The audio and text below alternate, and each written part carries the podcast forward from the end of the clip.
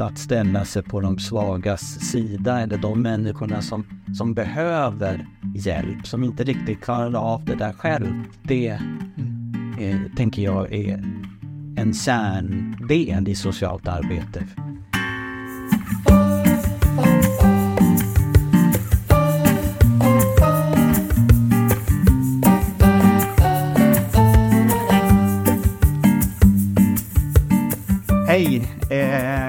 Avsnitt två av podden Socialt arbete i skolan. Eh, idag ska vi prata om eh, kärnuppdraget eller socialt arbete i stort. Välkomna! Tack Maria! Välkommen Rickard! Tack! Eh, vi, vi börjar med att jag läser upp den globala definitionen av eh, social, socialt arbete som eh, finns skriv, nedskrivet på SSRs hemsida. Socialt arbete är en praktikbaserad profession och en akademisk disciplin som verkar för social förändring och utveckling. Social sammanhållning, skydd och stöd för utsatta, empowerment och frigörelse av människors resurser. Mänskliga rättigheter, social rättvisa, barnets bästa, kollektivt ansvar samt respekt för mångfald är centrala principer för socialt arbete. Med utgångspunkt i teorier för socialt arbete, samhällsvetenskap, humaniora och urfolkens kunskap strävar professionen efter att involvera människor och påverka strukturer för att möta utmaningar i livet och öka välbefinnandet. Så står det, så är definitionen av socialt arbete. Vad tänker du Maria när du, när du hör den eller läser den? Eh, jag tänker att det är ett väldigt omfattande uppdrag som man förväntas anamma när man liksom går in i socialt arbete. Och jag tror också att det är en av utmaningarna men också styrkorna med socialt arbete, att det, att det får vara väldigt brett. Och att man tänker att eh, kärnuppdraget innefattar att hjälpa människor på något vis, att bistå människor till de här ökade välbefinnandena. Det betyder ju inte att vi helt ska eliminera alla sociala problem. Jag menar, det är väl en, en långsiktig strävan som vi alla har. Att all, tänk om alla socialarbetare hade blivit, fått bli arbetslösa för att det inte finns några sociala problem. Mm. Då hade ju världen varit en fantastisk plats att leva på. Eh, så det kan man ju ha som en, en yttersta utmaning i sitt arbete om man nu skulle vilja det. Men jag, men jag fastnar ju för några sådana där eh, liksom, vissa punkter av alltihopa och det är ju de här mänskliga rättigheter och i det tänker jag också inkluderas eh, barnkonventionen naturligtvis som en del av mänskliga rättigheter eh, och att vi i Sverige har bestämt att barnkonventionen har blivit lag. Nu har den inte prövats så mycket i rättsliga sammanhang men för mig har det ju ändå betytt att man har fokuserat även socialt arbete på att uppmärksamma barn och barns behov och det finns ju också framskrivet här. Mm. Och mitt sociala arbete har ju varit liksom att tänka kring barn och unga och familjer utifrån eh, någon slags utmaning, att möta deras utmaningar. Mm. Så att det finns väldigt många punkter i den här globala definitionen som, som slår an i mig och som jag tycker passar i mitt sociala arbete. Men som också är väldigt applicerbart i det sociala arbetet som kanske ska göras i skolan. Men det ska vi vänta på, jag vet. Men, ja. Eller vänta med. Men, men jag tänker att det ändå finns. Man kan, man kan applicera den här globala definitionen på, en, en, på enkelt sätt i alla olika verksamhetsområden där socionomen verkar. Det tänker jag som stort. Mm. Mm. Per, vad tänker du när du hör den här eller läser den här? Jag tänker på liknande sätt som, som Maria kanske eh, går in. Men jag tänker att det finns olika delar om man börjar titta i det där. En sak som jag tänkte var eh, kanske den där eh, relationen mellan det praktiska arbetet och ämnet. Det finns ju en debatt om liksom, vad är socialt arbete som disciplin eller som, som praktik? Finns det någon skillnad i det? Det kanske vi kan återkomma till, men det är en sån aspekt som, som ju debatteras och, och, och pratas om. Kan du beskriva det lite mer bara Per, hur du tänker, bara kort? Nej, jag tänker att, att eh, som akademisk disciplin så är ju det en ganska ung eh, ämne i relation till mer klassiska som psykologi och, och, och juridik kanske och medicin och, och så. Och, och eh, på så sätt så håller ju socialt arbete på att försöka liksom skapa sig ett, ett utrymme eller en identitet kanske. Eh, men och sen så har vi den praktik liksom orienterade. Vad, vad gör vi som socialarbetare också? Mm. Och eh, det är väl kanske den där liksom att frigöra människors resurser också som, som är en, en, en viktig aspekt av det i det sociala arbetet. Men också hur, hur kan man frigöra de mänskliga resurserna i relation till hur samhället ser ut också? Vad finns det för strukturer i samhället som vi behöver förstå för att människor kan eh, göra de här förändringarna? Och vad finns det för strukturer som hindrar människor att göra de här förändringarna eller att hjälpa människor att förändras? Eh, det tänker jag liksom blir viktiga saker att förhålla sig och det som blir unikt för socialt arbete på något sätt att både prata om människans resurser men också de strukturer eller de samhällsövergripande aspekterna som också påverkar oss på något sätt. Mm. Och, och den, den eh, dialektiken eller hur man nu ska uttrycka det, den, den är ju intressant och, och, och behöver jobbas med på något sätt.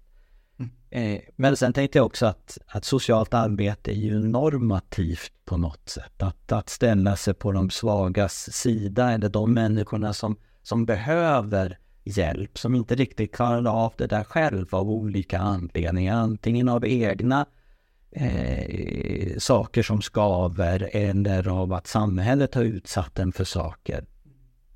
Att stå på deras sida på något sätt, det mm. eh, tänker jag är en kärndel i socialt arbete mm. som jag ser. Och mm. på så sätt så blir det normativ att ta ställning på något sätt för de svaga. Mm. Vad tänker du då? Jag, jag tänker precis som ni faktiskt. jag tycker det låter... ja, så här tänker jag att ni tänker. Nej, så tänker jag inte riktigt. Men eh, jag håller med det, det ni säger och det här om man står på de svaga sidor tänker jag blir jätteviktigt. Och därför när jag läser den här så, så fastnar jag också i det kollektiva ansvaret. För det, det, vi är på väg ifrån det, i alla fall i Sverige, med det här individualistiska och och man skjuter gärna problemen ifrån sig att nej men det här ska inte vi på skolan göra, det här ska få BUP göra, det här ska socialtjänsten göra istället för att vi samverkar och gör det, alltså har barnet i fokus, vilket vi inte alltid har. Eh, så det, den fastnar jag ganska mycket i. Men, eh, och, och det som Per sa mot slutet också, att vi eh, ska stå på den svaga sida. Eh, för de har vi ingen kanske. Att, är det det du menar med det kollektiva ansvaret? Ja, men jag... Ja, Verkar eller? Ja, sen förstår jag att de kanske inte menar det i det här, men det är det jag tänker på med kollektivt ansvar. För det, nu är det som att man vill skjuta saker ifrån sig istället för att ta till sig det och typ hjälpa. Men vi, vi går tillsammans till BUP med dig. Istället så skickar man in en någon remiss och så får man ett remissvar att vi får, vi tar inte emot det här eller så behöver inte inleda en utredning på SOS och vi på skolan kan inte jobba med det här för det blir för jobbigt för vi på skolan ska ju hålla på med pedagogik eller vad, vad det nu kan vara för någonting. Eh, och det oroar mig och det är de barnen som behöver det mest som hamnar i, i kläm då, tänker jag. Det är något... Och i det finns det också en utsatthet. Ja, de är jätteutsatta. Och de som alltså hamnar mellan stolarna som kanske inte har tillräckliga problem och sådär. Mm. Att det, det är där socialt arbete måste in verkligen. Eh, ja. Och du sa det normativa också. Vad... Ja, det, det, ja, precis. Att man, ja, nu, nu kommer jag inte ihåg vad jag tänkte då, men det normativa är ju individualistiskt, ett individualistiskt samhälle nu för tiden. Och vad blir, blir det normativt då att skapa gemenskaper egentligen, fast det är det som vi behöver. Ja, det har jag inte riktigt tänkt färdigt på det här, men eh, det, jag tycker det är intressant. Ja. För det normativa är inte det kanske normala för människan egentligen eftersom vi är ett flockfolk och sådär. Men det normativa i Sverige är att det är ensam är stark. Och att det är ditt problem är ditt problem och mitt problem är mitt problem. Men det sociala arbetet säger någonting annat? Ja, so ja precis. Socialt arbete säger något annat och det är därför vi måste vara, vara i det. Men det, det blir... ehm, det blir... Vi, vi kommer också in i det. Jag blev typ ganska upprörd efter att ha läst socionomens eh, ehm, grupp på Facebook. Så är det någon som eh, beskriver en situation, eh, en ganska fin situation och sen kommer sådana här kommentarer, ofta från män, som kommenterat, men så där kan du inte göra det för du är för synlig, eller du typ, alltså ja. Jag blir ganska upprörd av det, för då är det bara socionomer förhoppningsvis som är med i den gruppen, det kanske det inte är. Men eh, som är jättedömande. Och det är ju det precis det vi inte ska vara. Speciellt om någon sträcker ut en hand och ber om hjälp och så typ, du ska, så där ska du inte göra. Ja, det, det gör mig väldigt upprörd. Ja. Så kollektivet är inte snällt mot socionomer heller? Alltså, Nej, vi, vi, så, nej, precis. Vi är inte snälla mot varandra. Nej. Nej, vi är jättelätt att döma varandra, tycker jag. Mm. Ja. Så sådana tankar tänker jag, eller eh, ja. Eh, Men vad, vad, Maria, vad, vad tar du med dig in i socialt arbete? Vad, vad, vad är det som gör att du jobbar inom socialt arbete? Jo, men det är väl en del av de här sakerna som vi, vi alla tre har varit inne på. Och Kanske det senaste också, att jag som väldigt ung person såg, jag var till och med bara ett barn, när jag upptäckte att, att det fanns olika förutsättningar för människor att leva sina liv. Eh, jag är ju född och uppvuxen som biologiskt barn i familjehem och jag märkte ganska snart att alla barn inte hade samma förutsättningar som jag hade. Eh, och det skapade ju någon slags eh, känsla av att behöva inkludera andra människor, inte bara i vår familjs liv, utan att barn hade olika förutsättningar att få göra skola, att få, få ta på ett arbete, att kunna ta körkort och, och det handlar alltifrån eh, både sociala, emotionella och psykologiska men också ekonomiska förutsättningar. Så det fanns på många plan och jag tror att jag kanske först blev medveten om barns utsatthet när jag var sju år och sen när jag var 13 så förstod jag det mer i det här som Per beskriver i den politiska kontexten som rådde i, rådde i Sverige då, att det fanns liksom något slags samhälle som heller inte fångade upp de här barnen och tog hand om dem. Och jag hade liksom en väg framåt. Och min farfar som var en stor förebild för mig, han sa Maria, om du inte blir statsminister, och då var det självskrivet att jag skulle vara statsminister för Socialdemokraterna, något, något annat fanns inte i hans värld, så kan du väl i alla fall bli socialarbetare, för då kan du förändra. Då kan du vara med och förändra, vilket jobb du än väljer av de här två, så ska du kunna förändra människors förutsättningar att leva sina liv. Eh, Så jag var bara 18 år när jag började på socionomutbildningen eh, och 21 år när jag kom ut därifrån och tänkte att ja, nu ska jag liksom förändra världen. För i, jag gick ju i Göteborg på universitetet där så stod de här värdena som du också är inne på, de stod liksom högst upp på agendan. Solidaritet, medmänsklighet, gemenskap, att värna människors egna resurser, att bistå människor överlag, men, men för mig blev det också barn och unga och deras familjer om förutsättningar att kunna leva sitt liv på ett sätt som hjälpte dem framåt. Eh, och i Göteborg på den tiden så stod vi på någon slags politisk och ideologisk barrikad också och ville förändra världen. Och jag sögs liksom med i det och kände kraften i det också. Och därför kan jag bli lite förtvivlad ibland när jag möter den här individualistiska sidan hos socionomer eller samhället eller Sverige överlag där jag liksom kippar lite efter andan att vad tog de här värdena vägen? Och jag hoppas på att vi hittar dem igen, för jag tror att de finns inneboende i människor, att vilja göra gott. Eh, att det liksom är det som, som driver oss, att vi vill vara tillsammans i, i något slags kollektivt ansvar. Och i det kollektiva ansvaret så tänker jag att det handlar om ett samhällsengagemang. Att ta ansvar för allas barn, In, inte bara mitt egna barn eller så, utan att ha ett ansvar för det. Så det har jag med mig jättemycket. Jag är starkt präglat av min socionomutbildning som var ja, första delen av 1990-talet. Liksom. Det, det, det har jag. Och jag är väldigt stolt över det. Jag är stolt över att vara socionom Och jag tycker många gånger när jag undervisar på socionomutbildning att det också får skina igenom mina ideologiska ställningstaganden. Jag är inte så rädd för att visa dem. Nej, jag vill gärna, jag vill gärna att det ska få kännas också. Att det liksom är viktigt. Mm. Så det tror jag jag bär, eller det vet jag att jag bär med mig in i socialt arbete. Mitt sociala arbete. Mm. Per, vad, vad bär du med dig in i socialt arbete?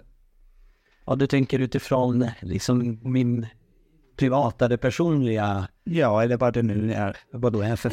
ja. Eh, nej, men jag, viktigt. Vad är viktigt? Ja, nej, men jag satt och funderade på det när, när Maria pratade också, det där med utbildning. Jag gick ju i Umeå och det är klart att socialt arbete är väl kanske präglad av relationsarbete på olika sätt. Alltså relation mellan socialarbetaren och klienten eller den hjälpsökande eller hjälpbehövande. Så.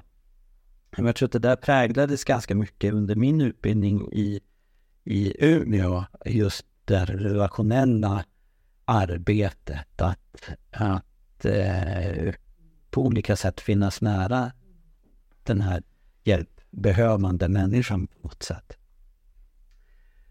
Så det är en sån aspekt som, som eh, liksom har följt med mig. Men jag tror också att, att varför det kanske också slår an lite grann eh, att i alla fall så, så är jag också uppvuxen i ett sammanhang där socialt arbete alltid har funnits nära. Mm. Att eh, jag brukar skojsamt säga att jag är född på eh, ett hem för vanartiga pojkar och det är en sanning med modifikation för att min pappa jobbade på, på det som hette Eosens pojkhem en gång i tiden. För övrigt ganska omdebatterat i dagarna just nu.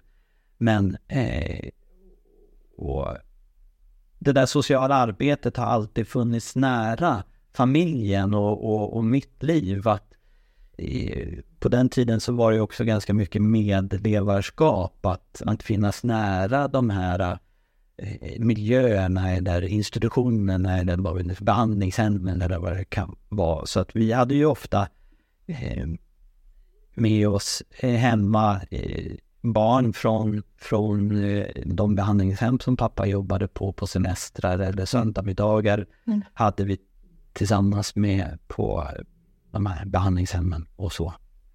Så att det där har alltid funnits med. Mm. Och, och jag brukar också säga att, att det är ingenting som skiljer mig från de människorna som vi jobbar med heller de är människor och jag är människor. Vi kan hamna i, i jobbiga och, och, svåra situationer allihopa. Så att idag är det jag som sitter som behandlare eller socialarbetare eller så. Men, eh, och, och, och, det är du eller någon annan som sitter som hjälpbehövande. Men imorgon kan det vara tvärtom. Mm. Då kan jag förlora en nära anhörig i, i, i olycka och hamna i kris och sorg som jag behöver hjälp med eller sådär. Så att det, det, är, vi är alla människor i det där och, mm. och, det är någonting som, som jag tänker prägla mig i min syn i alla fall. Som jag hoppas prägla min syn ganska mycket i, i, de, i, i det sociala, i det praktiska sociala arbetet. Mm. Och att eh, men också det där att försöka förstå också varför hamnar människor utanför? Vad är det för saker som, som, som styr det eller påverkar det? Eller det vill jag också försöka förstå på en mer liksom strukturell nivå. Då kommer forskaren Då kommer forskaren fram. Ja, det är, ja, så är det Ja, fast man är ju lite, förlåt att jag flikar in, men man är ju lite forskare också när man möter en människa. Att utforska är ju faktiskt att forska på den individ som man har framför sig. Ja. ja förlåt. Nej, men absolut, så är det ju. Att vara nyfiken för den andra människan mm. också. Det, det är en viktig sak, tänker jag. Mm. Men, men om jag ställer frågan till dig då, Rickard. Mm. Vad, vad tar du med dig in i, i socialt arbete? Ja, Ja, men lite som jag berättade om i förra avsnittet, välkomstavsnittet där, eh, så är jag uppvuxen i arbetarklass och det, jag tror det har präglat mig ganska mer än vad jag, jag har tänkt på, för jag hade inte tänkt på det så jättemycket förrän eh, vi, vi ställde frågan till varandra här. Eh, dels så det jag tänkte på nu när ni pratade är hur, hur jag har haft olika tankar och idéer om hur saker och ting ska vara. Jag har haft rasistiska tankar när jag var i en fas. Jag har haft punktankar i någon annan lite grann och, och ja, ganska tydliga sånt. Jag har inte varit med i någon rörelse eller någonting för, för sådana här saker. Men, men det har nog också gjort att jag har sett ganska mycket. För, för jag har varit med på lite i utkanten av eh, av sådana rörelser? Den. Ja, ja, precis. Ja. Men eh, när, när, nu när jag tänker på det och som jag sa förra gången också så, så är det lätt att eh, jag tror i alla fall att det är lätt att känna avund i, i arbetarklass, avund efter att ha mer. Eh, det, det, det jag har sett i alla fall i, det, i min närhet. Och, och, för mig har det istället varit en, att se de som kanske har det mindre, att man vill hjälpa dem och det är nog det som präglar mig nu. Mm. Eh, men sen såklart eh, socionomprogrammet gick jag i Östersund på ja, 2005 och 2008. Eh, jag vet inte ifall det gav mig jättemycket i, i min, eh, i min tänke, i tanke om socialt arbete. Praktik, praktikplatserna gjorde absolut det. Men, men sen när jag gick den här familjeterapisteget, grundutbildningen, så var det ju systemisk inriktning och systemteori har, det är nog det som präglar mig allra mest nu. Att det finns inget mindre än relation. En, en individrelation. Eh, Hur kan man se det i ditt sociala arbete eller i ditt liksom, ja, engagemang?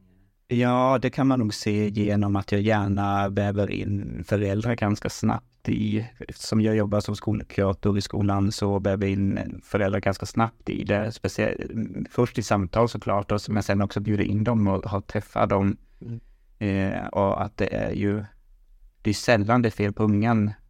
Det, men det, det hade jag nog tänkt innan eh, den här systemteorin också. Men alltså det, man påverkas av allting. Mm. Eh, så jag är väldigt systemisk, tror jag, eh, i mina tankar av, av hur skola och sånt fungerar och inte fungerar och hur hela samhället inte fungerar. Och det var, det var intressant, du tog upp någonting om politik. Jag tänker på hur, hur politiskt, det, alltså den polit, politik vi har nu, den är ju jättekonstig och man får ju tycka vad man vill om den. Men, ja, men jag, ja. jag tänkte partipolitik, utan Nej. mer hur samhället styrs ja. av liksom ja, hur samhällsfenomen förändras. Så ja. det är nog inte mer partipolitik. Nej, Nej. Nej och jag förstår det. Och, och, det är den som typ inte riktigt finns idag. I alla fall inte vi, vi socionomer. Det är inte vi socionomer som hörs och syns, utan då är det någon annan profession som jag behöver inte säga nu. eh, och, och ja, vi är dåliga på att synas på något vis. Mm. Nu kommer vi in på något annat. Ja. ja. Men jag tänker att visst, visst är det det du förmedlar i det också, att, att du ser, så tolkar jag det i alla fall Rickard, att du ser barnet och barnets symptom eller hur ja. det är och sådär.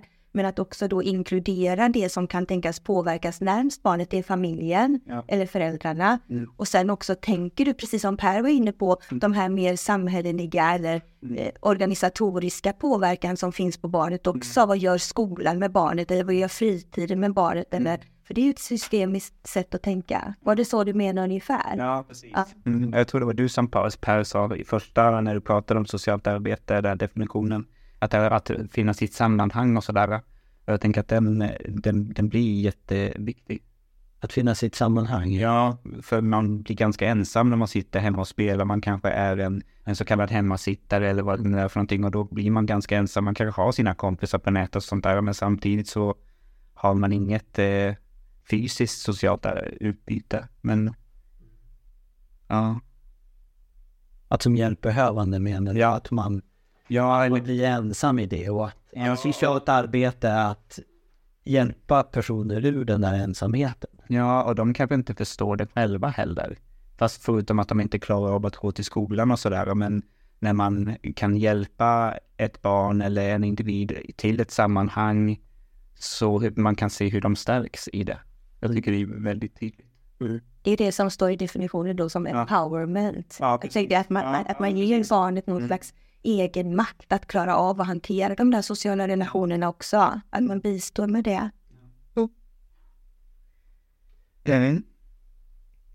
Men kan man tänka att de där, hur jobbar man liksom med att förändra strukturerna? Går det att göra som socialarbetare eller handlar det bara om att förändra individer eller ge individer själv makt att göra det? Eller går det att ändra de här strukturerna?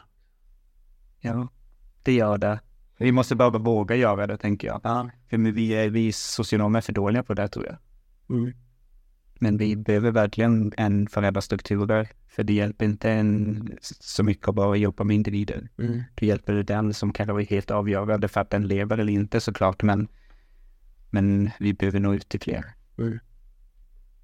Och vad tänker du med strukturer? Nu tänkte jag en sak med, med strukturer, men du kanske tänker på något annat? Eller? Eh, det vet jag inte. Strukturer. Ja, men jag, jag tänker på samhällsnivå, tänker jag då. Eller s- som jag jobbar i skolan. Skolan är ju inte anpassad efter dagens, hur dagens samhälle ser ut alls. Alltså det, det är ja, strukturer på alla nivåer, tänker jag. Både ekonomiska och genusfrågor och... Ja, Eller så tänkte jag att det var. ja, ja absolut. Ja, ja, håller med. Och där måste man väl ändå tänka att, att de människorna som befinner sig i de här rådande strukturerna inte riktigt hänger med heller. Jag tänker att personal som är på skolan, till exempel, nu tar vi skolan som exempel, fast vi, vi kanske skulle vänta med Mm. eh, och koppla det kärnprofessionen till, till själva skolarbetet, men jag tar den ändå. Eh, personal som finns på skolan, innefattande också socionomer som finns på skolan, kanske inte riktigt är medveten alla gånger om att de här strukturella förutsättningarna som barnen kommer till skolan ifrån också handlar om barnfattigdom, utsatthet, eh, kriminalitet, föräldrars psykiska ohälsa också. Så barn bär ju också med sig någonting in i den struktur som skolan står för. Och, och min uppfattning är i alla fall då utifrån mitt sociala arbetesperspektiv är att skolan är väldigt stelbent i det. Att man har ett normativt förhållningssätt om vad som är ett barn och vilka förutsättningar barn har för att kunna göra skola. Och, och det blir ju också eh, jättesvårt för, för det individuella barnet som bär med sig de här olika struktur, strukturella nivåerna att hantera det. Det kanske också gör att man inte känner sig hemma i skolan som barn. Och, där, och då kommer vi faktiskt in på nästa avsnitt. Så vi ska faktiskt börja avrunda här nu. Eh, finns det någonting som ni vill säga om just socialt arbete i stort innan vi avrundar det här eh, avsnittet? Det går ju att... Ja, Du säger. men lite kort sådär. Kort sådär, jag är inget mer just nu. Jag tror vi spar det till Ja, skolan. vi blir väldigt sugna på skolan. Ja. Det blir ju som en liten P3-övergång för vårt nästa avsnitt heter ju då... Vad heter det? ja, det heter socialt arbete i skolan, precis som podden heter. Precis. Så där ska vi in. Så gå från socialt arbete i stort till socialt arbete i skolan. Det ser vi, eller har lyssnat på i eh, nästa avsnitt. Tack för idag. Tack ska du ha. Det